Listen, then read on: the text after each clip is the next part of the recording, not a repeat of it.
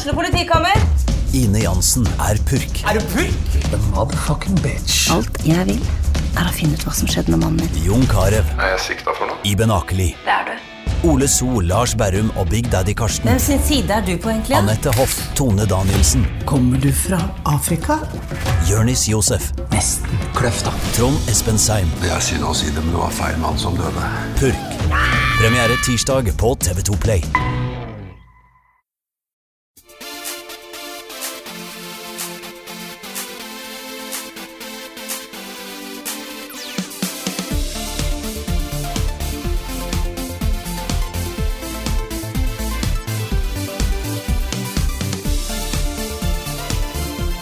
Var noen som kommenterte etter forrige uke at eh, jeg burde la ferie være ferie. Men eh, det er liksom noe med det å sette seg ned og prate om spill som er bare kos også, Jon Cato. Det, er, minner meg om Du har tatt sånn sommeråpent med han, eh, han der Brenner som kjører rundt i sånn bil og intervjuer folk. Det er litt det du er inspirert av, Rune. Ja, kanskje litt. Rann. Litt sånn koseprat om sommeren. Og jeg er da Rune Fjell Olsen, og du er Jon Cato Lorentzen. Yep. Og det var jo en folkestorm. Vil si det var én da som spurte Kan du ikke snakke mye om Cato neste uke. Det er en Så- storm. Det er en storm i Det er storm, ja. Det er ikke så mange som er hjemme, da så det var veldig hyggelig at eh, jeg catcha deg før du dro på ferie. Ja, det er rett før jeg drar ned til Spania, for det begynner å bli litt for kaldt i Oslo. Så jeg må ha mer varme nede ved, ved solkysten. Det er ganske absurd nå. Altså. Det, liksom, det har vært 30 grader hver dag nå i flere uker. Det er ikke normalt. Nei, det, er ikke, det. Når jeg sitter og spiller Jeg driver og spiller Witcher 3 nå, en sånn clean gjennomspilling uten radar og kompass og sånne Oi, ting. wow Og når jeg kjører det fullt på PC-en inne på det lille kontoret mitt i 30 grader ute, og PC-en òg begynner å varme, da blir det varmt. Ja, det var egentlig Planen min var det at, at det skulle være mitt sommerspill også. Ja. Jeg har hatt lyst til å spille det i mange år, og så kjøpte jeg det på først på Good, Good Old Games og så på Steam. Ja. For det kosta 160 kroner begge steder, så ok, da har jeg det på begge steder. Uh, full pakke. Men nå har det blitt andre ting da, som jeg sitter, uh, sitter med i sommer. Men det er kanskje neste, neste Ja. spill. Det er vel verdt å spille. Jeg har aldri spilt helt gjennom det. Fordi det kom plutselig sånn expansion, og så tenker jeg ok, da venter jeg til den er ute. Og så kom det en til, Mm. da venter jeg på den. Og nå kjører jeg sånn helt clean. Og så har jeg også fått sånn Jeg var på, på Nordic Game eh, Conference. Den lagde jeg reportasje Ja, det husker jeg godt. en gang. Ja. Eh, der er det en som heter Steve Curran. Uh, og det er han som driver konseptet Marioke, hvis du kjenner til det. Jeg har sittet og sett på invitasjonen til Marioke-kveld på Tilt flere Ja. ganger. Og Jeg kan si så mye som at din tidligere arge konkurrent Jarle Grindhaug i Pressfire Det var det dummeste han hadde hørt om. Han skulle aldri dra dit. Jeg klarte å dra han dit, og det var noe av det kuleste han hadde sett. ja, ok, sånn er det ofte med ting. Så Men Stig Curran han har Marioke. Han har også en talk hvert år på Nordic Game. Han reiser rundt og har litt sånne pretensiøse eh, kunstneriske talks om spill. Mm. Det er sånn entimes eh, talk med noe visuelt i bakgrunnen. Ja. Og eh, den han hadde på, på Nordic Game i år, handla om fast travel. Det var liksom grunnpremisset. Så var det liksom en novelle om det, da. Om hvordan fast travel tar oss ut av spill. Hvordan for mye hjelpemidler i spill på en måte kan ødelegge spillene for oss. Fordi Du kjenner deg sikkert igjen i GTA. At du sitter jo bare og ser på den GPS-streken. Ja det er det lille kartet du sitter og følger mer med på enn å se faktisk hvor du er og, og hva du driver med. Og det å teleportere seg over et helt kart og, og sånne ting ødelegger innlevelsen i spillet. Hvis du skal bli en del av verden, så må du liksom Mm. Reisen er mye av målet. Jeg sitter og tenker mye på det akkurat nå, fordi jeg satte satt meg ned med, med litt sånn forskjellige Xbox GamePass-spill. Ja. Uh, og et spill jeg har hatt lyst til å spille igjen lenge, er Fable 2. Ja. Og der har de jo en sånn der gul uh, strek. Som bare følger du den streken, så kommer du til mission objective ikke sant? hele tiden. Jeg syns det er helt forstyrrende, og det er det jeg gjør i Witcher 3 nå. At jeg har slått av alle de her eh, det minimappet og alle de her eh, Når du har på minimappet, så får du jo alle mulige sånne markører på det. At her er det ti planter og alt mulig sånn. Men nå må jeg drive og se etter de sjøl. Og så må jeg plotte veien jeg skal gå på det store kartet. Og så ser jeg på det store kartet, jeg må ned til den elva, og så til høyre der, og så kommer det et fjell der, og så tar jeg til venstre. Og Orientering, altså. Ja. Er orientering. Så jeg blir kjent med verden. Altså Jeg kan kjenne meg igjen i skjermbilder fra verden. Og så kan jeg si, å, der er, bak der er det, og der er det.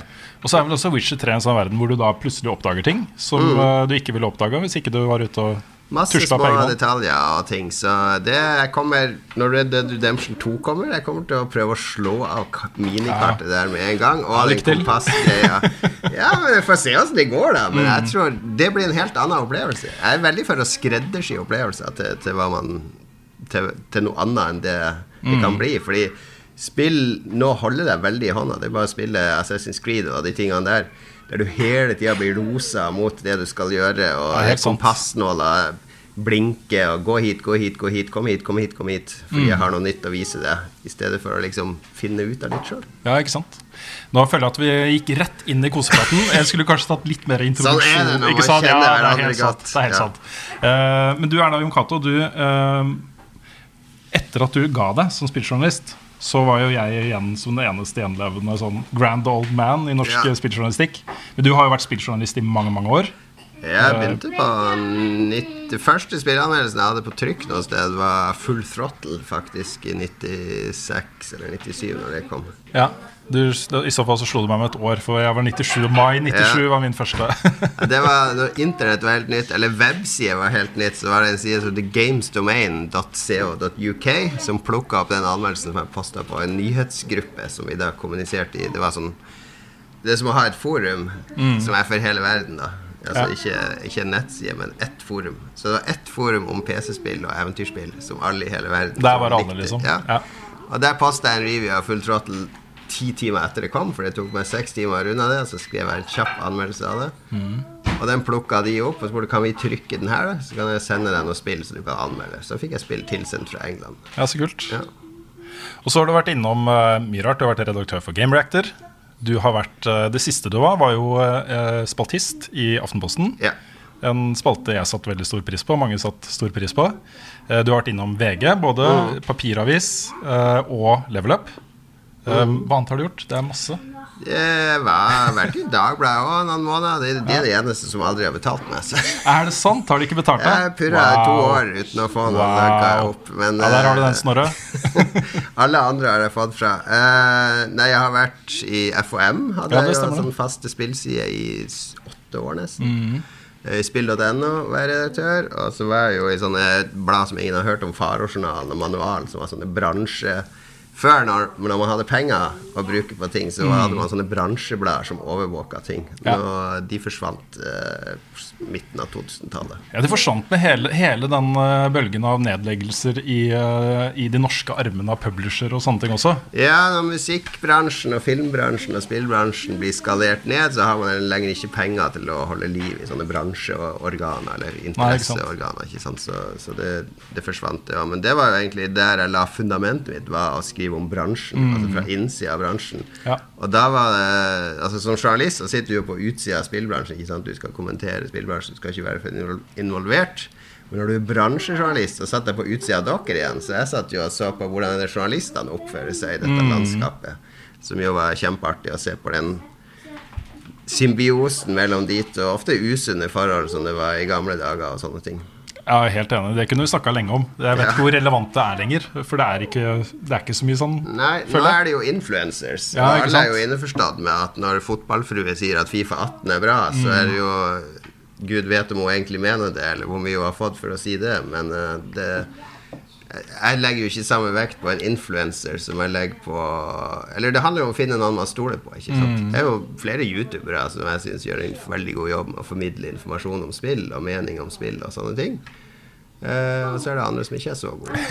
Men nå sitter du da på den siden av bordet også, Ja. og, og kan bruke penger, og så velge hvor du skal bruke pengene på å markedsføre spillene i Krillbite. For du er da, eh, CEO i Krillbite. Eh, har på en måte skifta side i spillindustrien. Ja.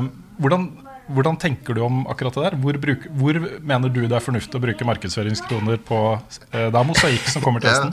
Nei, vi har aldri brukt noe på youtubere, fordi det er Vi får utrolig mange mail fra Rune i Level Up og sånn, som har en sånn Jeg har der- aldri sendt deg noen sånne mailer. Nei, men Katta. eh, det her er en som heter Rune i Level Up, som har runelevelup.gmail.com Er som det adresse. Det er ikke sant, men jeg okay. bruker det som eksempel. Da. Men andre kjente youtubere, så Ja. får du en sånn her Hei, jeg heter det og det, og her er link til sida mi. Så klikker jeg på sida, og da har han sånn tre millioner subscribers.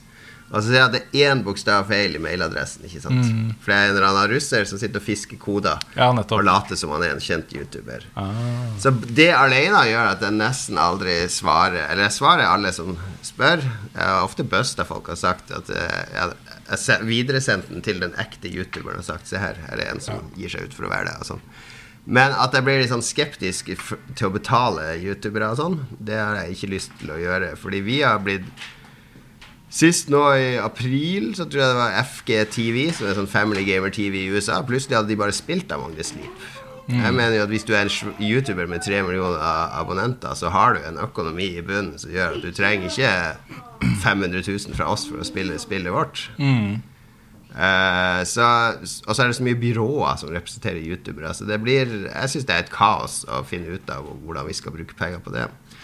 Så jeg bruker jo, vi bruker PR-folk. Vi bruker PR-firma og selskaper som skal hjelpe oss med det, sånn at vi slipper Jeg har ikke noe Selv om jeg har vært på andre sida, jeg kan ikke ta den avgjørelsen alene. Jeg føler at det handler vel så mye om du har sikkert folk du stoler på i PR-bransjen mer enn andre ting. Ja altså, folk som du har et bedre forhold til. Hvis den personen sier til deg Rune, det her tror jeg du kommer til å like, og det gang på gang skjer at det her, han kjenner meg. Det er jo det som er en PR-person sin jobb, er jo å kjenne kontaktene sine. Og ikke pushe på de ting bare for å selge det, som mange dårlige PR-folk gjør, men å velge ut at disse kanalene her, de, det her er noe som jeg vet Rune liker. Det er sånn han holder på. Ikke minst uh, PR-folk som det går an å si Nei, vet du hva. Det her er bare tull. Dette er ikke noe for meg. Ja, ja. Dette her likte jeg ikke. Liksom, Men en god PR PR-person PR eh, eh, respekterer jo det og jobben din og det du gjør. Mm. Ja. Og, og vet at vi skal ikke lage noe sånn falsk greier der jeg prøver å lure deg etter å like et eller annet. Men jeg vet at du har nå spilt Dark Souls, jeg vet du liker Destiny, så det her burde kanskje være noe for deg. Ta en titt på det, i hvert fall. Mm. Og, og hvis du får en sånn PR-person å snakke med, så er det ikke det at du skal stole på han og samarbeide på den, med den personen, men for oss er det viktigere at vi har folk som liksom kjenner markedet og vet at Mosaikk er et helt annerledes og rart spill. Hvem er det som kan ha interesse av å lage innhold på det her, eller, eller spille det, eller, eller se på det og gi god kritikk? Ikke nødvendigvis at vi skal bare ha skryt, men vi vil gjerne at folk som er interessert i spillet, skal få tak i spillet. Ja, det er sant. Jeg har et ganske pragmatisk forhold til hvordan uh, både utviklere og publishere velger å bruke pengene sine. Og eh, hvordan de velger å ha kontakt med folk som formidler spill og sånne ting. Uh, men jeg, har, jeg syns det er litt trist. Altså, ting var litt mer oversiktlig før. Uh, og det var flere, følte jeg, i hvert fall uh, blant publishere, som respekterte jobben vår eh, som også kulturjournalister. Og det er det ikke så mye av lenger. Nei, det er vanskelig. Det Jeg var på, jeg var på et sånt event for litt siden hvor, hvor vi hadde på en måte krangla oss inn dit. Ja. Altså, hun- som var da representant for dette selskapet, visste ikke hvem vi var. Eh, selv om hun hadde ansvaret for Norden. Eh, mens vi var der, så kommer det da en kjent YouTuber inn, og, og hun var bare sånn Å, wow, der er han! liksom Og det er litt trist, fordi det er ganske vesensforskjell, Ja, føler jeg, ja. på å dekke spill på den måten du og jeg gjør og har gjort. Eh, og på å eh, lage entertainment for en fanbase, på en måte. Um, og vi, vi trenger kulturjournalister Ja, i spill. ja. Det, det er lite forståelse for hvor viktig det er på det leddet. Og, og så er det jo Så er det så kjedelig, disse influenserne og disse youtuberne og Instagram-profilene og sånn der. Jeg hørte, jeg skal ikke si noen navn, men jeg hørte, det var jo mange av de på en sånn event i Norge nylig, og jeg hørte at de drikker jo ikke kaffe engang. ikke skal de ha øl, ikke skal de ha kaffe. Det er, hva skal vi finne på om kveldene, liksom? Det var jo um, skal ikke si at vår modell var riktig, men vi var jo ute og gjorde en jobb, og vi det, det var jo Det var ikke en fest, men det var en jobb der man liksom tok seg en øl, og jeg trengte det for å overleve etere på slutten. De siste dagene på etere, det, det var vanskelig å komme gjennom. Ja. Det er jo tungt arbeid. Ja da, Men når du, er, når du blir så seriøs at du bare skal tenke på å gjøre de riktige tingene for å få flere followers og bare bygge merkevaren din hele tida, for det er det som ligger i grunnen bak skinner gjennom på mange sånne influencers, er at det handler bare om å bygge min merkevare. Og spille de produktene som bygger meg opp og gjør meg større. Og lage de videoene med den vinklinga som bygger meg opp som profil. Ja, blir så egosentrisk. Ja, det gjør det. Jeg tror ikke vi skal bruke hele podkasten på Og så fins det massevis av gode youtubere og influensere og alt mulig Masse, masse. som er både flinke og som jeg respekterer og alt det der. Eh, For min del handler det egentlig bare om hva skal man si, skille da, mellom kulturjournalist og uh, entertainer slash uh, personlighet. ikke sant? Uh, og at vi trenger begge deler. Ja, ja, ja. Eh, og akkurat nå føler jeg kanskje at eh, kulturjournalistikken lider. Ikke sant. Og det ble jo lagt ned i VG, det ble lagt ned i Aftenposten. Ja, Dagbladet. hver, gang, hver gang jeg sier at Dagbladet la ned Pressfire, så får jeg kjeft av Jarle. Ja. For han sier vi valgte å slutte. Ja. Pressfire og Dagbladet skilte lag, men Dagbladet har jo starta sin fantastiske nye spillsats. Ja, jeg har ikke lyst til å disse de heller, for det, blir, det er dumt å sitte prøve. Herregud, det, det er bra at de prøver. det er det. Men jeg har jo Altså, jeg savner jo når jeg var på andre sida òg, da. Det var jo ikke levedyktig til slutt, i hvert fall ikke som frilanser som jeg gjør. Men nå jo Nå skriver jeg jo igjen, fordi vi har jo uh, Nå kan jeg snikreklamere for Lolbua sin Du, det, hadde, det, står på programmet, Ja, okay. så at vi skal gjøre det. Så det er eh, Ja. bare å kjøre på. Da går vi inn. Fordi jeg, jeg, har jo, jeg driver og lager en podkast med Lars Rikard, som også er kulturjournalist. Han er jo ekte kulturjournalist. Han er faktisk ekte kulturjournalist. Du og han er jo to av de Ja, få er som har journalistutdanning i Norge. Eh, og Han eh, bor oppe i Harstad, jeg bor her, og vi har et par til som er med på podkasten. Den har vi laga, det er femte år nå. Vi fyller Mm. fem år nå i september. Jeg er imponerende. Eh, 220 episoder eller noe sånt er vi oppe i. Eh, og den tok vi ut på Patrion nå nylig. Og det er ikke fordi vi har jo begge jobber og vi tjener penger. Vi trenger jo ikke Vi skal jo ikke leve av det her. Vi kommer aldri til å bli level up på Patrion med, med de inntektene. Men vi har jo utgifter, og det Lars prøver å komme seg til Oslo så ofte som mulig. Det koster penger osv. Så, videre. Så vi lagde en Patrion, og vi er alltid, selv om Lolbua vi gir inntrykk av å være veldig kaotisk og anarkistisk og rølpete og sånne ting, men vi er ofte litt sånn gjennomtenkt bak. bak. Skjønner det. For å være en god kaotisk person, så må du ha, en, ha orden i bakgrunnen. Eh, så vi lagde en ganske omfattende Patreon med masse tears og ulike rewards. Og en av de er jo 15 dollars rewarden. Da får du brev fra meg hver måned. Okay. Og grunnen til at jeg ville gjøre det sånn Jeg har ikke lyst til å lage tekster som jeg publiserer på en nettside. Eh, fordi det er ikke verdt noe som helst å legge ut en tekst på nettet lenger. Men det å få en e-mail oppi all det kaoset av e-mail som du faktisk har lyst til å lese, som du gleder deg til hver Eller jeg håper de gleder seg til den hver uke. Der du bare får et brev fra meg, og det er basically sånn som jeg skrev i Aftenposten. Sånn. Det er litt sånn essays og innsikt og alt mulig sånn.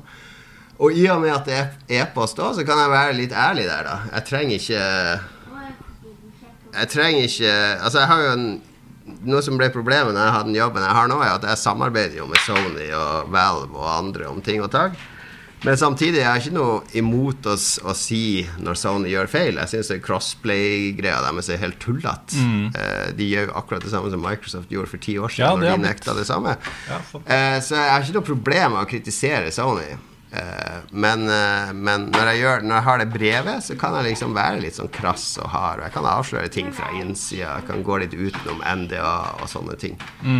Jeg håper jo at Jeg har jo sagt at ingen får lov å spre brev. Det kan sikkert noen som legger ut her og der, men det, det får nå bare gå som det Ja, går. det Men går jeg savner det der å skrive. Altså Ja. Det der å, å, å ha en deadline hver uke. Mm. Det er vanskelig å skrive uten deadline, det, det syns jeg. Så vi har den tieren av flere andre. Og nå har jeg skrevet jeg på med tredje brevet nå. Jeg syns det er utrolig givende bare få uttrykke meg om spill igjen. Mm. Men det er hyggelig å høre deg si det, Fordi en ting som jeg har eh, hatt lyst til å ta på meg deg ganske lenge er, Da du slutta, så var en av de tingene du sa, var at, altså da du ga deg som journalist, var at nei, nå er du for gammel for dette her. Nå får du la yngre krefter overta.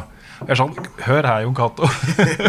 Spillmediet trenger din stemme fortsatt, liksom. Det er ja, ikke det er ikke så mange unge Når forbildet ditt er PewDiePie, liksom, og ikke eh, 60 Minutes Nå, nå tar jeg veldig i her, da. Men når du bare vil lage underholdning, og, og den klippinga og tempoet blir viktigere enn innholdet, så, så blir det litt sånn feil. Så, men jeg håper på det. Det er jo nye, skarpe stemmer som bør komme. Ja da. Men det er plass til begge deler, tenker jeg da. Ja da.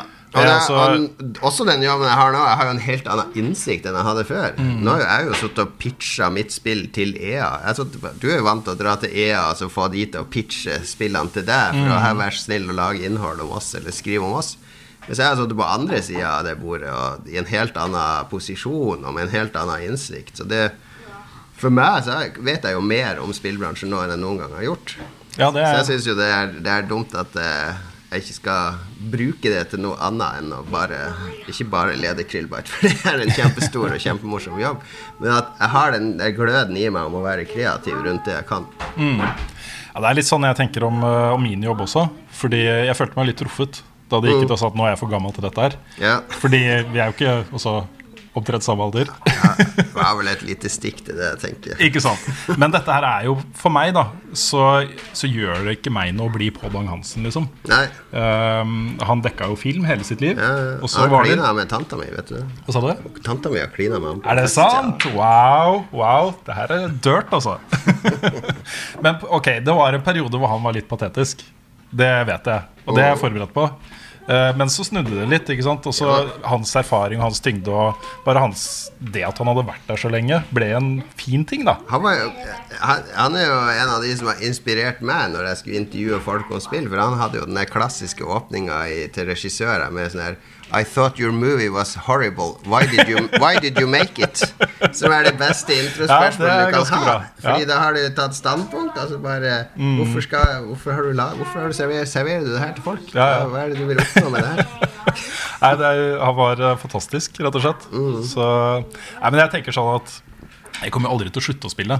Nei. Og så lenge spillmediet utvikler seg, og så lenge jeg syns det er gøy å jobbe med det, så er for all del, hvorfor, hvorfor skal ikke folk på vår alder kunne dekke det Jo, jo, som journalister? ikke sant? Og det vi ser med Lolbua er at snittalderen på de som hører på oss, er jo oppunder 30. ikke sant? Ja, nettopp. Og det er et eldre publikum der som syns at uh, youtubere og sånn, det er ikke for oss. Mm. Altså det blir De snakker til en annen generasjon. Mm. Og da, det må være lov å lage innhold til de som er litt uh, modnere og, og eldre.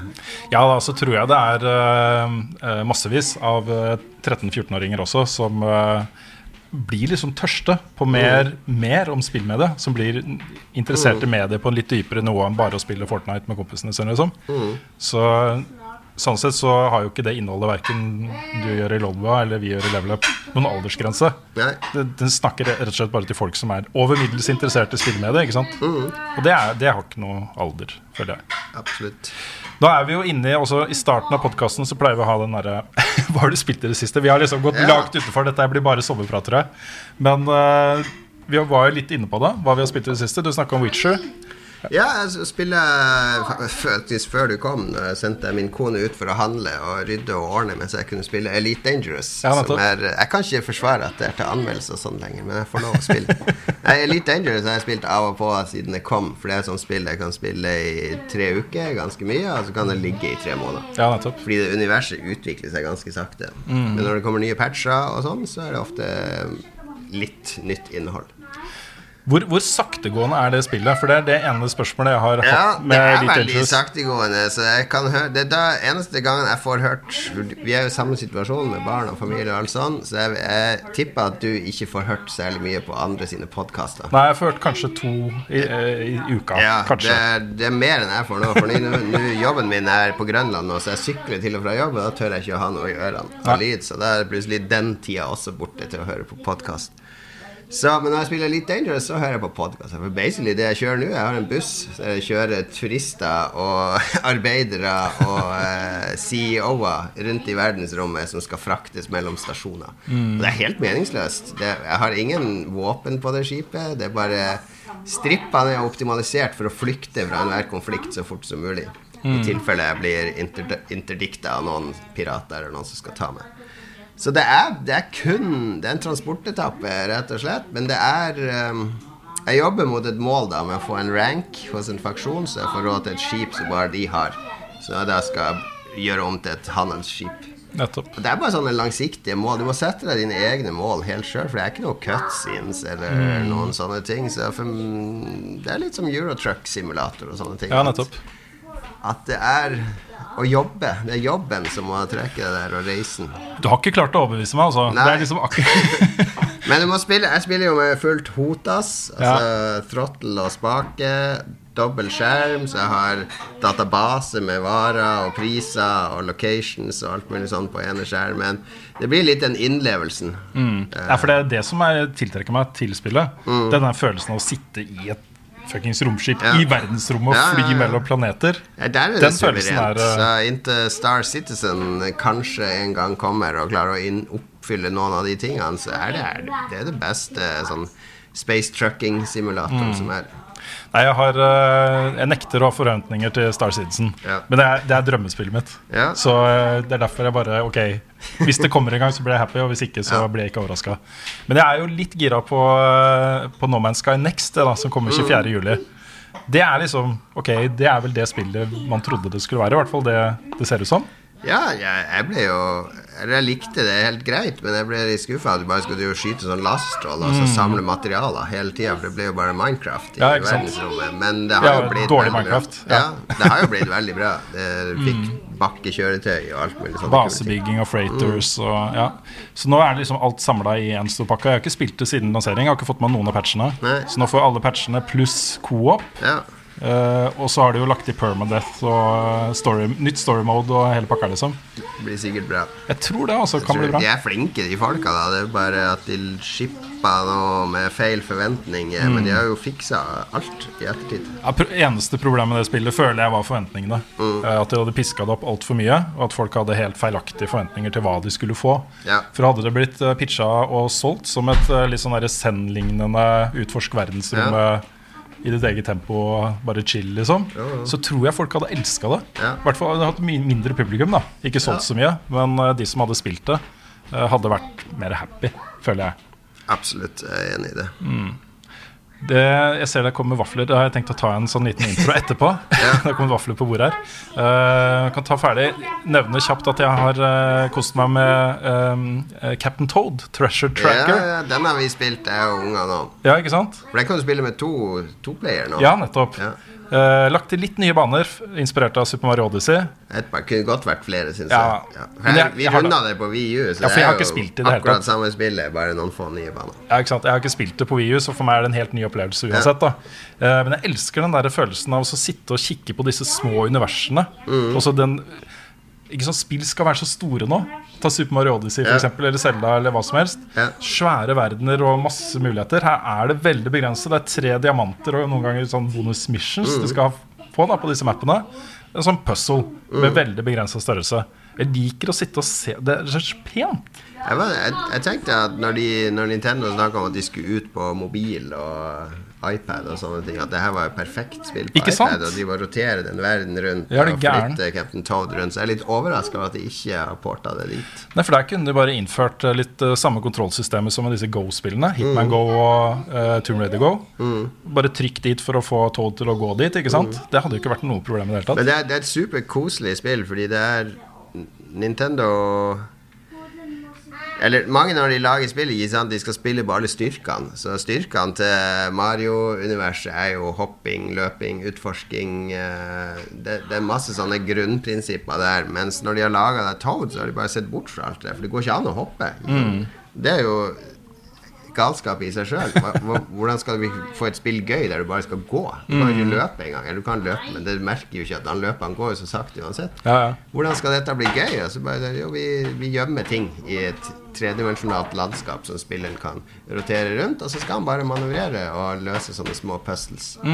Og det er superfokusert på akkurat det det gjør, og det er jo det som gjør det så utrolig bra. For hadde de lagt til hopping, så hadde det blitt for komplisert for barna. Det er helt eh, enig med deg, altså. Hadde de lagt til en masse sånne funksjoner, at du skulle legge ut mine eller andre ting, det hadde blitt for komplisert. Det er akkurat, akkurat så enkelt som det skal være, at det blir nok utfordring. Det er ikke veldig utfordrende spill, men det er en koselig utfordring. Ja, det er akkurat det der. Og så er det såpass mye variasjon fra brett til brett også, at du føler ikke at du gjør det samme hele tiden. Det er masse nye ideer. Ja, det er det.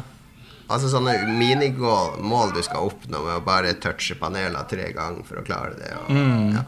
Det er et genialt spill. Jeg liker det veldig, veldig godt. Ja, nå er vi over på eh, ukens anbefalingsspalten, men før det så har jeg lyst til å ta en liten sånn intro på et lite konsept som jeg har liksom surra rundt i hodet, hodet mitt. Det her blir bare sånn, sånn tulleting, da. Uh, uh, og jeg vet ikke om jeg får det til. Jeg skal prøve. Ja, Nå spiser vi vafler, og vafler er jo noe av det trausteste, mest uh, solide vi har i norsk kakeflora. Den kan være mild og rund med litt jordbær, syltetøy og rømme. Eller den kan være skarp og spennende med litt brunost. Akkurat som uh, vår gjest denne uken, uh, Jon Cato Lorentzen. Uh, mitt navn er Rune Fjell Olsen, og dette er Spillnerder i shorts spiser kake. Veldig bra bra? konsept. Veldig bra konsept. Nei, jeg, skal, jeg skal jobbe litt mer med den. Men ja. Uh, jeg har sett mye på Comedians in Cars Getting Coffee. Ja, det skjønte jeg. Og det er liksom, konseptet der er så kult, hvor du har komikere som sitter og snakker fag, Ja. og har det gøy sammen.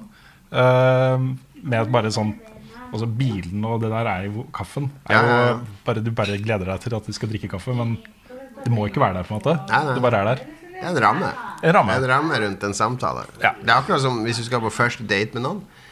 Så det å bare møtes i en park og gå en tur er jo helt ferdig, for da har du ikke noen ramme rundt det. Hvis Ja, du har en kino og en middag, eller noe sånt, så er det en ramme. Det er mye lettere. Man kan snakke om kinoen, Ikke sant? eller restauranten, eller rettene, eller alt mulig sånt. Ja, nettopp. Så her har de kaffen, og bilen er liksom hooks Ja, den gangen. Det er litt vanskelig å finne liksom en ting som passer til ukens gjest hver gang.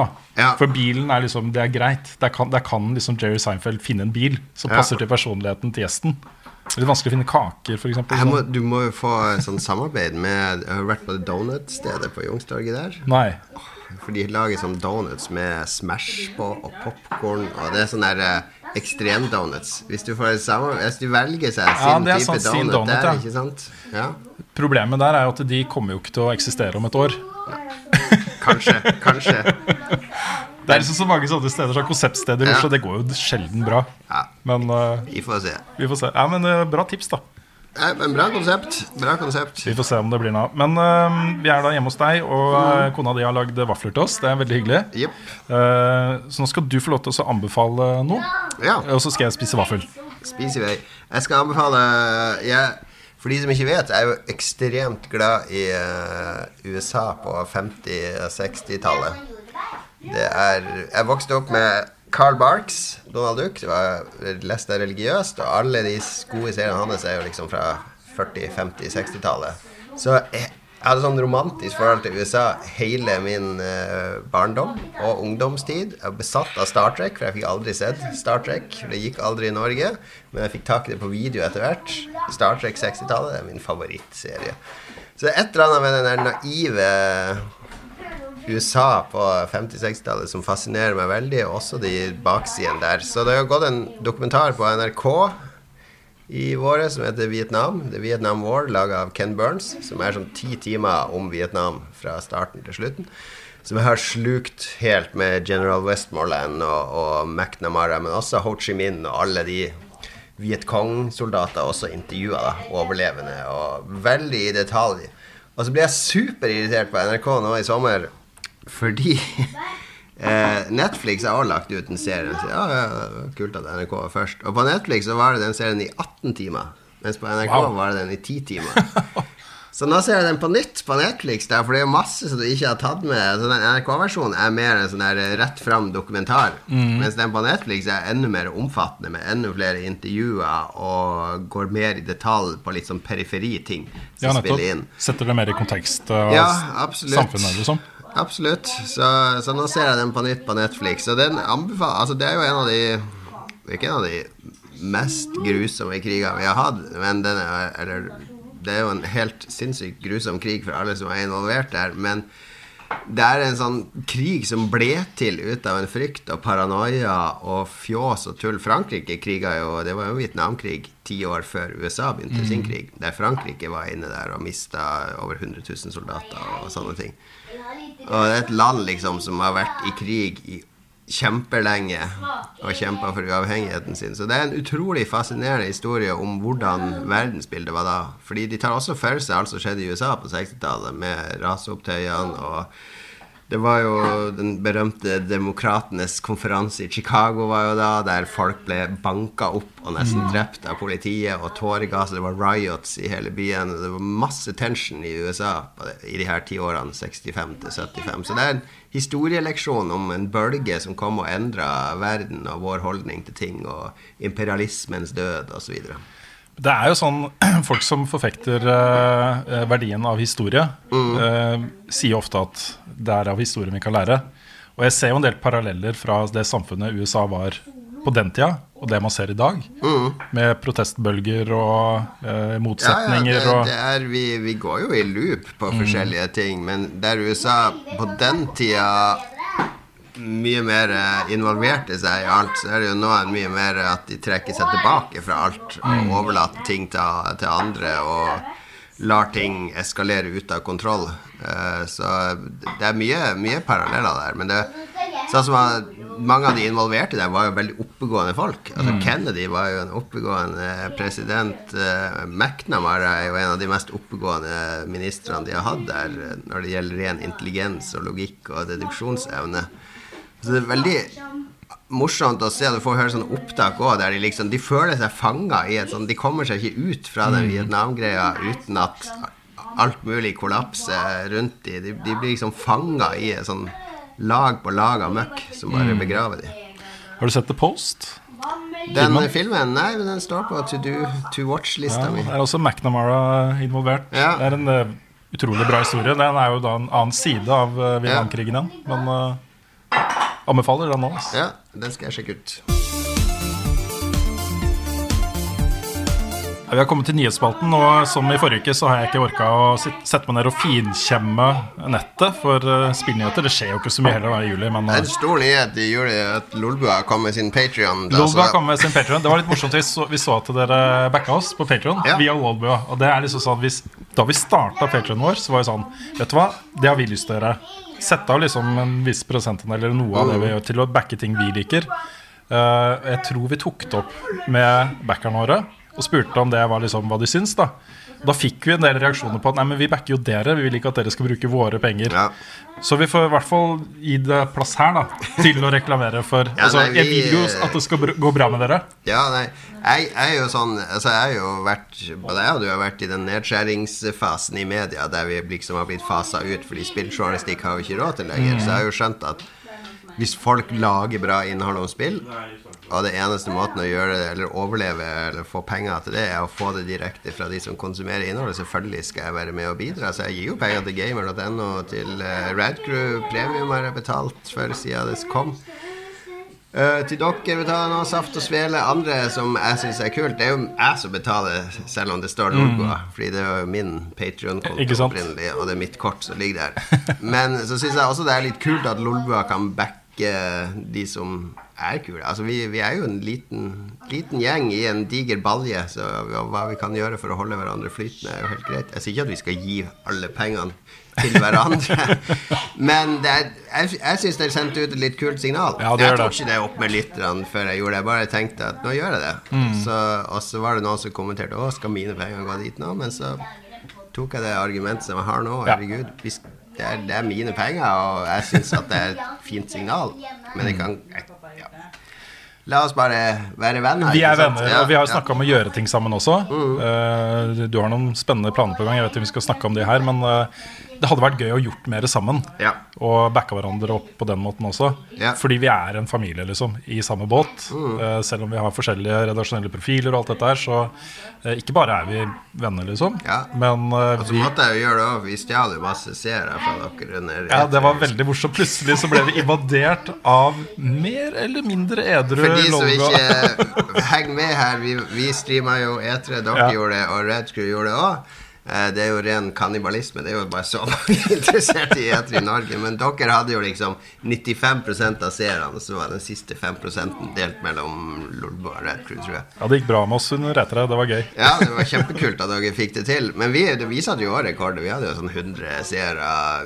Vanligvis har vi ikke så mye, men for oss var det kjempekult. Men så var det under PC Gaming Show, og du vet jo at det er en påkjennelse. Da, da, var, det, da var dere trøtt i studio, dere så. Jo da, men det var mye bedre enn vi hadde frykta, da. Ja, det var det. Men så kjeda vi oss litt under PC Gaming Show, så var det blitt litt whisky òg. Uh, Hovedbrorparten kommer jo til oss fordi vi drikker whisky mens vi ser på. altså tenkte vi på Mhm. Hvor lenge holder Lars ut? Ja. hvor, hvor sjekker, vi sjekka hvor mange seere dere hadde. Over, over 1000 på PC Gaming Show. Så, så, oppfordrer vi litt sånn. Så kan ikke dere løpe over i kommentarfeltet der og rekruttere noen hit? Og da dobla vi, var vi nesten oppe i 200 seere. Mm. Mange nysgjerrige som kom inn. Men uh, det var jo bare et morsomt pek. Det var uh, veldig gøy. Ja. Litt i lolbua og sånn. Det, vi gjorde jo, det vi gjorde som var kulest, så dere gjerne kan stjele neste år Vi lagde jo ti sånne spådommer for hver greie. Mm. At uh, Phil Spencer skulle ha på seg skinnjakke, eller det skulle være en bil på scenen, eller sånne ting. Ja, ja, ja. Altså, hver, hver sånn som gikk inn, så måtte vi liksom ta, ta litt whisky. Ja, vet du hva, vi, er, vi, vi skal ikke drikke whisky, vi på streams. Nei, men dere kan gjøre alt. Du kan ta av et klesplagg for hver eh, Heller whisky. begge deler. Begge deler. Uh, ok, Men for å ta en seriøs ting da som jeg hadde lyst til å snakke litt med deg om, Ja. uh, så får du velge selv hvor, uh, hvor eh, seriøst du vil ta det. Eh, du er jo sjef for et spillselskap, og du har ansatte under deg. Eh, hva ville du gjort hvis en av dine ansatte uh, var litt ufin på sosiale medier mot en av kundene deres? Uh, gitt han en lønnsforhøyelse. jeg ville Vi har ikke noe regel Du tenker på Guild Wars og sånne ting her nå? Den, Ja, det, den på, det, det var jo en sak nå Ja. i sommer hvor uh, en kvinnelig ansatt i Arenanet eh, fikk litt nok. Av, mm. og det var jo ikke voldsomt eh, Hva skal man si eh, Det var ikke noe voldsomt skarpt ordbruk fra den Nei. fanen, eller noe sånt, men hun var sånn åh, slutt. La meg være i fred, liksom. Eh, og eh, det eskalerte jo Ja, ja. på Reddit. eh, og ble en sånn mobb som eh, eh, var rasende. Og Remonet responderte ved å gi henne og en kollega som hadde forsvart henne, sparken. Ja. Um, Jeg så, hadde aldri gjort det, i hvert fall. Nei. Fordi nå er det jeg, jeg er veldig lite på Twitter og sånn. Jeg meldte meg egentlig ut derifra i fjor. Fordi noe av det jeg hater med internett, er den der mobb-mentaliteten. At å, se her, her er noen som har drept seg litt ut, eller vært litt stygg i kjeften mot noen. La oss alle sammen løpe nå og, og bombardere den personen og sjefen til den personen. Det, er jo, det blir jo sånn. Ja. Fordi du har 4chan, og du har folk på begge sider som liksom overreagerer i, i, disse, i denne krigen som er mellom høyre- og venstresida, hvis du skal forenkle det. Altså, Du har det som var gamergatere og social justice warriors, som var de to betegnelsene. Så nå er liksom alt-right og sosialister. Eh, og det blir en sånn mobbmentalitet med at folk kan ikke ha en dårlig dag på nettet eller et eller annet sånt uten at det skal komme en sånn mobb og slenge seg på. Og jeg har jo sett på de tweet, Twitter-meldingene, og de, selve de meldingene er jo egentlig ingenting. Det er alt det som kommer under der, fra folk som slenger seg på og, og sier 'you bitch' og 'you're going down' og 'just email your boss' og sånn. Jeg syns det er så ufint oppførsel. Hvorfor, skal folk, hvor, hvor får folk det fra at, at du eller jeg tenker at det er så mange som føler seg så marginalisert at denne stemmen som de kan bruke til å liksom kjempe en eller annen forkvakla kamp om det de tror er rettferdighet, og bruke en sånn mobb-funksjon til å rett og slett mobbe folk ut av jobb og sånn. Det er klart at hun burde ikke svart sånn på sosiale medier, men det Folk får få lov å være seg sjøl. Vi har ingen retningslinjer på at mine ansatte skal oppføre seg på sine private Twitter-kontoer eller noe sånt. Nå er jo såpass heldig at, at det, er, det har aldri vært noe tilløp til en sånn situasjon. Men om en kunde skulle føle seg støtt av noe en des, en av ansatte hadde sagt, så hadde jeg jo tatt det opp med den ansatte, og så hadde jeg jo sagt unnskyld til kunden. Og sagt at jeg snakka med han, og det skal ikke gjenta seg. Så ferdig med den saken. Mm. Ikke gi folk sparken. Jeg syns det er helt, uh, helt det, sykt. jeg, har en, jeg har en viss sympati med Arenanet. Ikke sånn for det de gjorde, men for begrunnelsen. Eh, og det er jo den derre Internettmobben er en utrolig skummel ting. Ja. Og du sitter der og føler den komme mot deg, og frykter for selskapets fremtid, og alt blir, er veldig sånn Dette vil jeg ikke være med på. Nei. Men det er jo utrolig feigt da, og illojalt overfor en kollega, en ansatt, å bare gi etter og det Det er jo en storm i et vannglass, fordi det, det hylekoret hyler så mye høyere enn den resterende 90 Ikke? Mm. som ikke bryr seg i det hele tatt, som bare spiller spillet ditt og har det gøy og koser seg. Ja.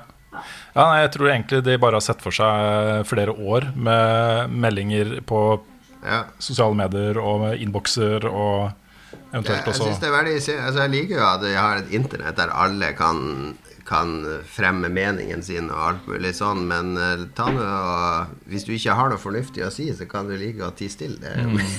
mer min mening, og det er kanskje litt stein i glasshus i og med at jeg har sittet og raljert av meg i 15 år av, av min mening og sikkert tatt feil om masse ting, men jeg, jeg har aldri vært ute etter å ta noen, altså å, å få noen å slå noen ned i gjørma eller trampe på noen når de ligger nede, eller noen sånne ting, det syns jeg er ufint.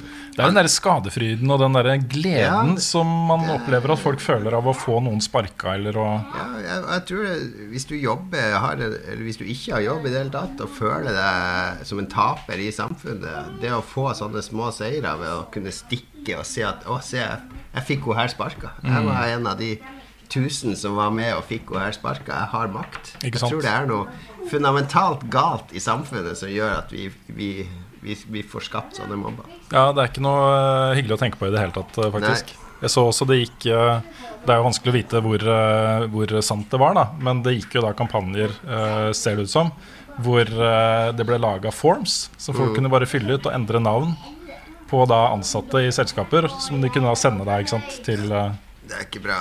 Nei, det er ikke det. Men uh, skal vi ta, fortsette litt mer sånn hyggelig sommerprat, eller, Ja, det blir alltid, alltid hyggelig når du kommer skal snakke om sånne alvorlige ting. Ja, ikke sant. Nei, vi, vi går videre til spørsmål og svar-spalten. Ja. Greit, vi har fått inn litt spørsmål. Jeg har jo ikke sagt på Patreon at du er gjest. Nei. Hvis jeg hadde gått ut og sagt det, så hadde det sikkert vært masse spørsmål. Men jeg hadde ikke lyst til å liksom hadde du fått den ene eh, stormen. Ikke sant? Ja, jeg, jeg, jeg har ikke lyst til å gå ut for bredt med det, fordi det er sånn der surprise-podkast. Ja, ja, ja. Det. Eh, Så det blir generelle spørsmål. Eh, Vi har fått et her fra eh, Lasse Meyer Antonsen, som spør eh, Med Shenmue 1 eh, pluss 2 HD remastered ute 21.8 ville det vært aktuelt å fylle noen hull. Er jo tross alt spill som banet vei for dagens open world og action-RPG. Shenmue-serien er kanskje de mest engasjerende og koseligste spillene jeg har spilt, og en level up-anmeldelse av disse i august hadde vært stas. Har du spilt Shenmue? Ja, jeg har spilt både en og to. Jeg spilte de på eh, Dreamcast. Da hadde jeg, jeg tror jeg spilte til og med toeren, en japansk versjon. Ja, så ivrig var jeg da det kom. Fordi det var veldig revolusjonerende. Det jeg husker egentlig Det er tre ting, tre ting jeg husker fra de. Det var alle minigamene. Det var masse sånne små minigames integrert. Det er jo Yakuza-serien har jo adoptert alt det der. Det er jo den åndelige Mm. Ja, er. Og så var det at det fulgte kalenderen. Fordi det var liksom Det ble desember, og så plutselig var det julepynt i gaten. Og så sånn julenys Og det, det husker jeg gjorde veldig inntrykk på meg. At liksom dagene gikk videre, at verden endra seg. Eh, og det siste var jo at eh, det var så mye kvikk, dårlig kvikktime. Men det er spesielt det når du går langs fortauet, så kommer det sånn Må trykke med en gang. Hvis du ikke gjør det, så får du en fotball i hodet. Sånn unge som sparker fra hagen. Sånn helt meningsløs kvikktime. Det er Gøy, da. Ja da, det var morsomt. Det var en artig serie. Det blir ikke det samme nå, tror jeg. Nei, Det er det jeg frykter litt. da Nei. Eh, Jeg har vært egentlig skeptisk helt siden eh, kickstarteren for Shenmue 3. Mm. At mm. mange har et veldig sånn varmt nostalgisk forhold til den serien, men at kanskje ikke det holdt seg like godt. Jeg vet sånn der, Jeg vet aldri om det var en reell plan eller ikke, men jeg hadde vel planlagt tolv kapittel, og det var jo, sprengte jo alle budsjetter, Mm. og det var utrolig at de fikk det til i det hele tatt. Ja. ja, det er sant, det. Nei, Vi får se. Det blir nok, eh, det blir nok noe på Shenmue, men jeg tror det er ingen i Level Up-redaksjonen som har noe spesielt forhold til det. Jeg spilte det bare så vidt, det Ja. første Shenmue, eh, men har ikke ja. Har ikke det samme nostalgiske forholdet til det. Eh, vi har fått et spørsmål her fra Daniel A. eh, Johnsen, som spør Hva syns dere om at Assassin's Creed har gått bort fra snikespill og blitt et mer standard RPG-spill, uh, som Witcher? Origins var kritisert for å være en Witcher-klone, og det virker som om Odyssey blir enda mer likt Witcher. Uh, så skriver han har forresten kjøpt alle Witcher-spillene på Steam selv. Det var litt morsomt at alle, de kom på salg nå. Ja, ja, ja, sånn, ja. Eh, men spørsmålet var snikespill kontra Jeg, world. jeg var jo aldri fan av Assassin's Creed i utgangspunktet. Det var du som var frelst på det. Åh, jeg var så glad det var, uh, var den sekseren din som kom i VG der. Ja, som meg vei for ny storserie her. så jeg var så seint ute med det, uh, og det falt aldri for det der eh, det der Assassin's Creed-forbannelsen med at du tar opp kartet, så er det 200 steder du må besøke. Altså sånn 200 points of interest. Mm. Ja eh, som jeg bare Jeg ble bare, ble bare matt av det. Mm, ja, jeg elska det en Ja. stund. Uh, men det er på en måte tiden for det føler jeg også er litt over. Ja. Altså Det hadde, hadde sin plass. Jeg spilte Origins. Jeg, jeg brakk ribbeina i vinter, så jeg var sykemeldt en uke. Og da lasta jeg ned Origins og spilte. Kjøpte og lastet ned. Hjalp jo at jeg hadde nyspekka PC, så jeg skulle virkelig kjøre grafikkortet. Så det var jo kjempepent, men jeg gikk veldig lei etter sånn fem-seks timer. Når jeg var kommet opp til Alexandria. Og det begynte å bli den der eh, finne neste punkt på kartet, gå dit og Ja. gjøre det du skal, bare for å komme videre. Ja, det er en viss fare for at uh, spill kan bli litt like hverandre, særlig når du får noen store suksesser. ikke sant? Eh, du har jo sett det nå med uh, Breath of the Wild og Horizon og God of War, som er liksom litt i samme sjanger. Det, det, det skaper jo på en måte bølger og trender og Ja. nye prosjekter, ikke sant? Så, men det, ja, de har jo gått Eller det er jo til en viss grad sniking der òg, når du skal ta fiendebasene og sånn. Så, Du kan i hvert fall velge å spille sånn, Ja, hvis du vil. Ja, men uh, ja, da får du velge å spille sånn. Jeg, savner litt den derre um... jeg tror det han savner mer, det og folk ofte savner, er den følelsen av når ting var fresht og nytt, og de ikke mestra det. Og, de, og den mest, veien fra å oppdage noe helt nytt til å mestre det, det, det er den mest magiske veien. Ikke sant? Det er det du har hatt med Dark Souls nå. Og, og sånne ting. Fra å gå fra å ikke kunne noe til å liksom mestre det her universet. Og når Assassin's Creed-spillene kom, så var det noe helt nytt og friskt og kult. Så jeg tror det er mer den følelsen han savner, enn at han er det har ødelagt det der mindre sniking og sånn. Ja, jeg, jeg tror du har rett i det, men jeg tror også delvis at da den serien kom, så hadde den et slags sånn løfte om den derre Her har du en ond fyr du skal ta, Uh, som er veldig godt beskytta. Ja. Hvis du spiller dritsmart, Ja. hvis du klarer å snike deg rundt uten Ja, å bli oppdaga og tar han ut på det Ja. smarteste Også den følelsen det gir. Ja, deg. savner generelt sånne spill. Så selv Splinter Cell også var jo litt sånn. Ja. Mm. Her har du kart over ambassaden. Inni det rommet er målet ditt. Hvordan vil du gå fram for å komme deg dit? Nettopp. Uh, så akkurat den følelsen kan jeg si at han savner. Men det er jo ikke De andre spillene mangler jo òg, da. Ja, Hitman sant. funker fortsatt bra sånn. Hitman er bra sånn, eh, Dishonored-spillene. er også veldig bra på det. Ja. Så eh, det fins jo spill der ute som er, Ja. er litt Kanskje det kommer et nytt Splinter Cell. Jeg er veldig overraska over at ikke det ble annonsa på E3. Eh, Alle- med alle de ja, vi hadde som- det som en av våre, Ja, ja. våre shot spådommer. Ja, kanskje neste år. Ja. Eh, spørsmålet er fra Arve Nubdal.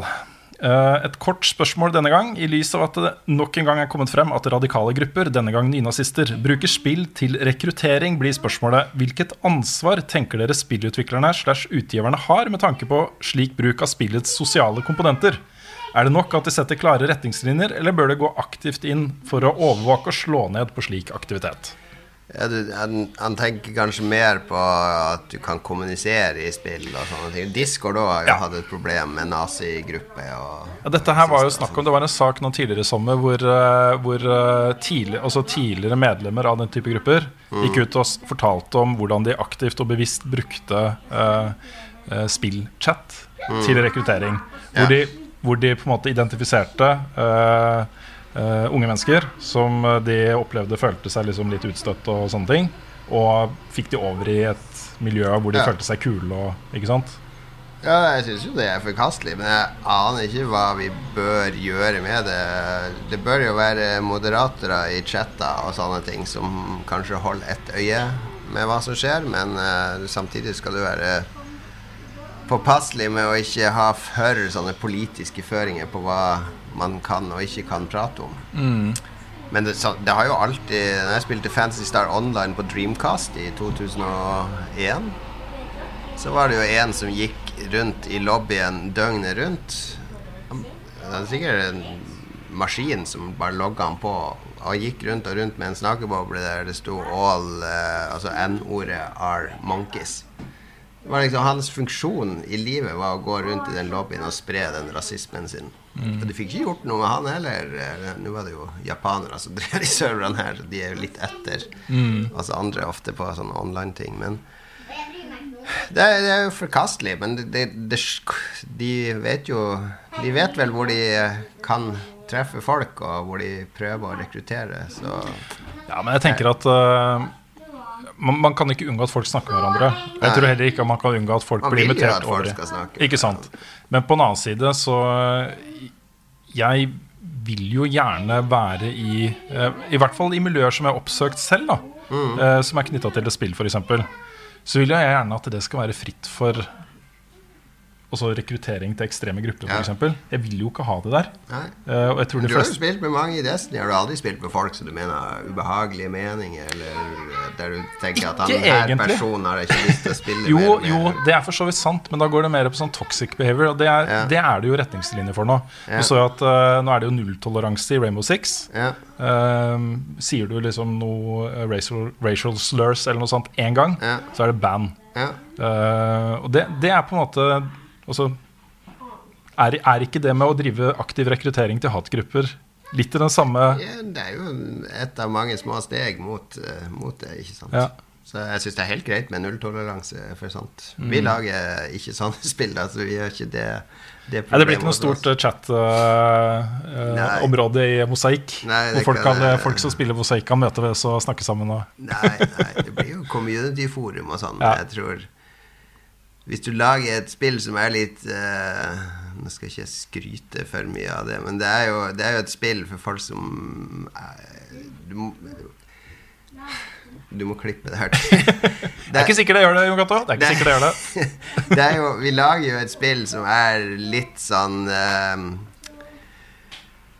Altså, det, det, du må følge litt med og være villig til Er det tolke highbrow du har lyst til å liksom si, eller Ja, det er ikke, jeg vil ikke bruke ordet highbrow, men vi lager jo Det er mye tankevirksomhet bak det vi lager. Mm. Og vi, vil jo, vi lager det jo for oppegående spillere som Ja, dere vil har at det en skal tolkes og- Ja, vi vil jo at du skal tolke ting og analysere ting og sånne Mm. ting.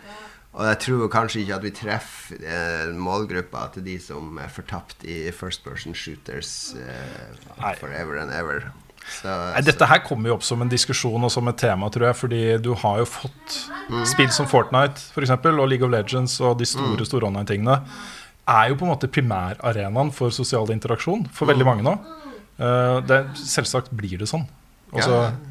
Jeg, er ikke blir altså, med en gang du lar spillere påvirke spillverden eller pynte i spillverden, så går det ti sekunder, og så er det første hakekorset dukka opp. Mm, Ja, sant det. Det- Og peniser. Peniser også. Penis og hakekors. Visste du at Turboneger de sto mellom to navn når de lagde bandet? Det var Enten Nazipenis eller Turboneger. Det var de to, to navnene de vippa mellom. Ja, det er Når man vet hvem eh, Thomas Seltzer er, og sånn, så Ja. er det jo humor på høyt nivå. Det er jo det. Ja. Bra. Skal vi se. Jeg vet ikke om vi kom fram til noe uh, viktig her. Skal se om Det her skal i hvert fall ikke vises på koden til mobilen min. Vi kan ta et siste spørsmål her fra Mathias Kolsrud Aase, som lurer på hvilke spill passer best til sommeren. Det er eh, Det tenker jeg på hver sommer. Jeg har sånn julespill og jul og sommer. Det er liksom Når man har fri, kan man ta seg tid til å spille noe ordentlig. Men jeg vil si eh, sånn som Witcher 3. Jeg håper du kommer i gang med det i sommer. For Ja, det er et veldig, veldig bra altså. sommerspill. Det er jo sånn sommerlandskaper du besøker òg, så det, det er veldig hyggelig. Men for meg handla det ofte om når jeg dro hjem på sommerferie før når jeg dro hjem til mine foreldre på sommerferie, om å børste støv av gamle spill jeg hadde spilt Mm. på Commodore 64. Plugga alltid den opp når jeg var hjemme i Harstad, og så spilte jeg Whistball og Las Ninja og et par andre ting. Bare for å freshe opp på de minnene. I hvert fall når du blir voksen, så handler Mm. sommeren mer om de minnene fra barndommen Sant, enn om den reelle sommeren. Vi vet jo alle den Seinfeld-vitsen med min sommerferie. Du pakker inn i bilen og får inn kona og ungene og alt mulig, og de ti sekundene fra du lukker bakdøra der du har tatt på beltet til ungen, og går rundt bilen og setter deg inn i førersetet, det, det er din sommerferie. Det er min sommerfilm. Ikke sant? Så jeg overdriver litt her. Men, men eh, sommer, sommer handler jo om minner og det å ikke tenke framover i det hele tatt. Mer å tenke bakover. Så eh, mimring. Ja, jeg er helt enig også. Når denne, nå har denne sommeren her vært litt spesiell, fordi mitt problem nå er at eh, jeg sitter og spiller mye med headset. Mm. Det er ganske sånn klokkeheadset. Ja. Jeg blir så varm, og det renner, svetten renner. Så jeg har liksom foretrukket nå å spille ting som eh, jeg ikke trenger lyden til. Ja, Eh, det har vært veldig spesifikt, så det har blitt litt Destiny. Jeg har ikke spilt eh, Destiny på lenge nå, fordi jeg ble fanga av litt andre spill.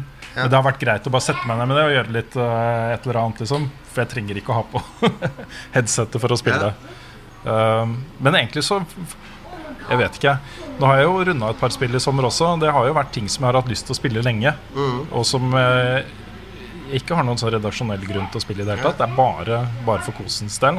Jeg, jeg er veldig på den mimringa, spesielt nå, for nå kommer jo Lumines remastered Ja, akkurat jeg. på Switch og, og Steam. Jeg kjøpte det på begge steder, for jeg skal ha med Switchen ned til Spania nå. Og Lumines var et magisk spill for meg når det kom på PSP. Oh, det husker jeg så godt. Ja, Altså. det blir masse mimring med det i sommer. Og... Men Destiny, det er, du spiller det på PC nå, eller? Jeg er på, på PC. Det er på PC, ja. Ja. For jeg, jeg tok jo double-dippa, og det er jo mulig å gå tilbake til PlayStation. Jeg, jeg, klarer ikke. Det er helt forferdelig. Ja, det er- er, jeg trodde jeg skulle dobbeltdippe, Ja. men uh... jeg har eh, venner som er superekte på PlayStation. eh, Som, de har ikke spilt Destiny 1, Nei. men de har jeg tror de har 1000 timer hver nå i Destiny 2. Mm. Fordi For dem er jo det her helt magisk. De vet jo ikke alt de har gått glipp av. Men de, de vil ikke se på. De har vært der og sagt 'Kom og se, jeg skal vise deg litt'. Nei, fordi de vet at hvis de ser på, så kommer de til å få sånn vondt her. Ja, det er for at sånn. de ikke får den Destiny-opplevelsen. det er fordi jeg har ingenting imot Altså, jeg er ikke noen nazi på, eh, på eh, FPS. Og jeg kunne fint ha fortsatt å spille Destiny Ja, ja, ja. 2 med 30 FPS og standard Feel of view, Ikke noe problem det, men når man først Ja. blir vant til å spille med Det er en annen opplevelse. Ja, det er, det, en altså. eh, et annet tempo. Ja. Jeg føler jeg reagerer mye raskere, gjør ting mye raskere, tenker mye raskere. Når jeg går tilbake til PlayStation, for jeg har noen som raider på PlayStation, Lars og de, jeg har vært med der. Det går helt greit. Det er bare liksom Det er så Det er litt sånn sirup. Ja, det er helt sant også. Det er, synd, det er litt synd at det er sånn, fordi mitt, uh, mitt lille community i Destiny 2 har også blitt splitta av det. Ja. At jeg ikke klarte å jeg komme tilbake. Ja, men det blir spennende til høsten å se hva som skjer. Jeg skal henge med på begge. Jeg henger så vidt med på PlayStation. Men Mm. På PC jeg putter, putter ikke mye tid i det. Det gjør jeg ikke. Jeg har veldig veldig tro på Forsaken. Jeg tror det Ja. kan bli kjempegøy. Ja. Eh, og jeg vet også at det er et par stykken av de jeg har spilt på PS4 med, som nå har kjøpt seg meg med i PC-community, for jeg mangler jo folk å Ja, raide med og sånn der, så jeg er med der. Der må jeg bare skryte av Destiny Community i Level Up. Eh, Level Up Kartell heter det. Ja. Der er det en bra Facebook-gruppe jeg og en innmari bra Discord-gruppe. Og når det har kommet oppdateringer til Destiny 2 nå, Ja. så har det vært liksom opptil fire-fem fulle raid-lag i Ja, helgene og Ja, sånne ting. da skal jeg joine den. Ja, det må du gjøre. Det er veldig bra. Det er to eh, klaner. Uh, Level Up Kartell 1 og 2. Ja. Og begge er fulle, tror jeg. Nesten fulle. Okay. Så der er- skjer det masse. Sweet. Ja, ikke sant? Ellers så eh, vet jeg ikke. Jeg gleder meg til Jeg Nevnte jo No Man's Sky Next. Ja. Det tror jeg blir en fin sånn avrunding av sommeren for min del. Um, Jeg tenkte at jeg også skulle ta med det Octopath Traveler på Switchen når jeg skal på ferie nå. Selv om jeg aldri kan ikke huske sist jeg runda JRPG, fordi det tar jo for lang tid. Men det her virker ganske fokusert på åtte sånne små stories. mm, veldig, veldig veldig pent. Har dere anmeldt det nå? Nei, Nick sitter og spiller det nå, Ja. og Carl har også begynt på det som et feriespill. Ja. Så eh, det, det blir spilt. jeg tenker jeg tar med det òg. Ja. Og det er, det er også litt retro. Det er litt nostalgi. Mm, det, det ser det. ser ut som et sånn gammelt Super Nintendo. Det er akkurat det det gjør. Ja, men litt sånn. Ja. Men uh, sist uh, uke med Martin så snakka vi litt om hva en perfekt sommer er for Ja. oss. Hva er en perfekt, sommer for deg, eh, Cato? Det er uh, først og fremst at jeg har sånn ferie der jeg kan legge fra meg all jobb. Fordi jeg ikke, selv om jeg har tatt ferie nå, så måtte jeg jobbe litt tidligere i dag. Vi de akkurat å ansette noen nye, og sånn, så jeg må bare få alt på plass før jeg drar. For det handler om å kunne lukke den døra til jobben. Og det har jeg egentlig ikke kunnet gjort. Når jeg var frilanser, så kunne jeg aldri lukke den døra. Fordi hvis jeg ikke leverte hver uke, så mister du jo oppdragene. ikke sant? Så for meg handler det om å kunne lukke døra til alt, og så lese bøker, først og fremst. Jeg bruker å lese fem eller seks bøker i løpet av sommerferien. Det er viktig for meg. Ja, det var viktig for meg også. Jeg er så, det er sånn savn for meg også, at jeg ikke orker å åpne bøker lenger. Ja, Det har blitt eh, det må du begynne med, Ja, jeg vet det. Jeg leste også sånn i sommeren. Vi var jo eh, rett før vi fikk barn. Ja. Så var vi, tenkte ok, nå tar vi en uke på Madeira. Eller Ja. bare et sted, og det ble Madeira.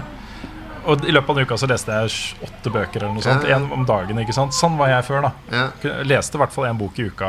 eh, Det er litt det disiplin å gjøre det, for det er så mye distraksjoner Ja, det er det. overalt hele tiden. Min, min måte å gjøre det med familien når jeg er fri og sommeren, og sånn, det er at jeg står opp først. Mm. Jeg slutta sånn å sitte opp til langt med natt og spille eller lese. Jeg blir så trøtt. Så jeg legger meg gjerne elleve. Savner før tolv. Står opp halv syv-syv. Ungene de sover til ti. Tre timer på morgenkvisten, og da sitter de i fred og ro og leser boka på litt radio. Mm. Deilig. Kanskje det snur for meg også, fordi han der som sitter i sofaen her borte, han våkner jo eh, halv sju hver dag uansett. Hver dag uansett. Så Ja. de, de tre timene der er jo, må jeg ta på kvelden, ikke sant. Ja. Ja. Ja, men det snur seg nok. Ja, får håpe det. Morgenklubben. Raid. Raid 0630. Ikke sant? det blir gøy å begynne å raide med disse ungene også. Ja. Greit. Jeg tenker vi skal runde av eh, her nå. Eh, tusen takk for at du stilte opp, Jon Cato. Veldig hyggelig å ta en litt sånn sommerprat. Ja, det var Kjempehyggelig konsept. Eh, Bra at eh, dere gjør det gjennom sommeren. Det blir liksom så dumt hvis man er borte noen uker. Så slutter mm. podkasten å oppdatere seg automatisk òg. Så vi ikke har rukket å lage noe klart på forhånd. Ja. Så må man nesten gjøre det. Liksom. Vi har jo laga faktisk i to år på rad nå har vi hatt podkast hver eneste uke. Ja. Det er fordi Krisemøtet var de som skrøt av at vi kommer ut hver uke. Ja, det er, vi tar eh, ikke sommerferie, men de hadde uke av, en ukes avbrekk i fjor. Mm. Når det var den der utroskapsgreia med han ene. ja. Så da, da tok vi det igjen, nå, fordi nå har vi hatt en streak lenger. Ja, så vi kan ikke kutte bra. streaken nå. Nei, det går ikke, det, da. Nei. Greit, og Tusen takk til alle som har uh, hørt på denne podkasten og sett den på YouTube. Uh, ikke minst tusen takk til alle som backer oss på Patrion. Ja. det er uh, utrolig hyggelig at folk skjønner at hvis man vil fortsatt se og lese og høre ting som sånne som oss gjør, Ja. så er man nå nødt til å betale litt for det. Dere er ikke nødt til å betale. Ikke nødt til å betale. men, men, ja, for da, hvis- dere er for dere oss nødt til å sånn. betale. Men for oss dere er ikke nødt til å betale. Det er veldig kult for de som gjør det, Fordi da får vi til så mye mer. Og så blir jo Lolbua mye kulere av at uh, f.eks. Lars da kan reise nedover hit oftere og være med på liveshows og sånne Absolutt. ting. Vi nådde jo juleshow-tieren, så nå skal vi jo ha Lolbua julebord. Så du er invitert, Rune. Ja, tusen takk. Det blir, uh, det blir morsomt. Jeg kan også nevne at vi har hatt planer om noe juleshow, vi også. Ja. Så det kan hende at det blir uh, dobbel dose. Ja, ja. Vi får se. Det blir akevittkonkurranse. De, de gjør ikke det, vet du. Ikke på oss. Vi kan ikke det, Jon Gato. Jeg skjønner det. Det går ikke. Det går ikke. R-rated og PG. Ja, vi er PG. Vi må nesten være det. Men uh, vi er tilbake igjen i hvert fall i starten av august med vanlige podkaster. kanskje jeg klarer å skvise inn en til den siste uka av sommerferien også. Uh, Gjør se. Avhengig av at jeg får noen til å stille opp. Du klarer det. Kanskje det. Fortsatt eh, god sommer, eh, folkens. God sommer.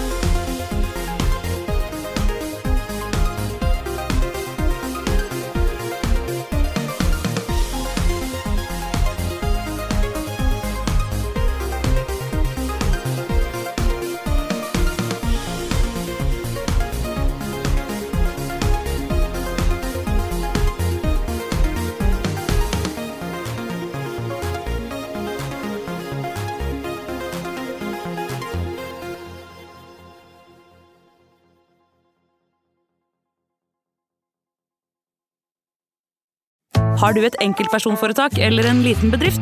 Da er du sikkert lei av å høre meg snakke om hvor enkelt det er med kvitteringer og bilag i fiken, så vi eh, gir oss her, vi.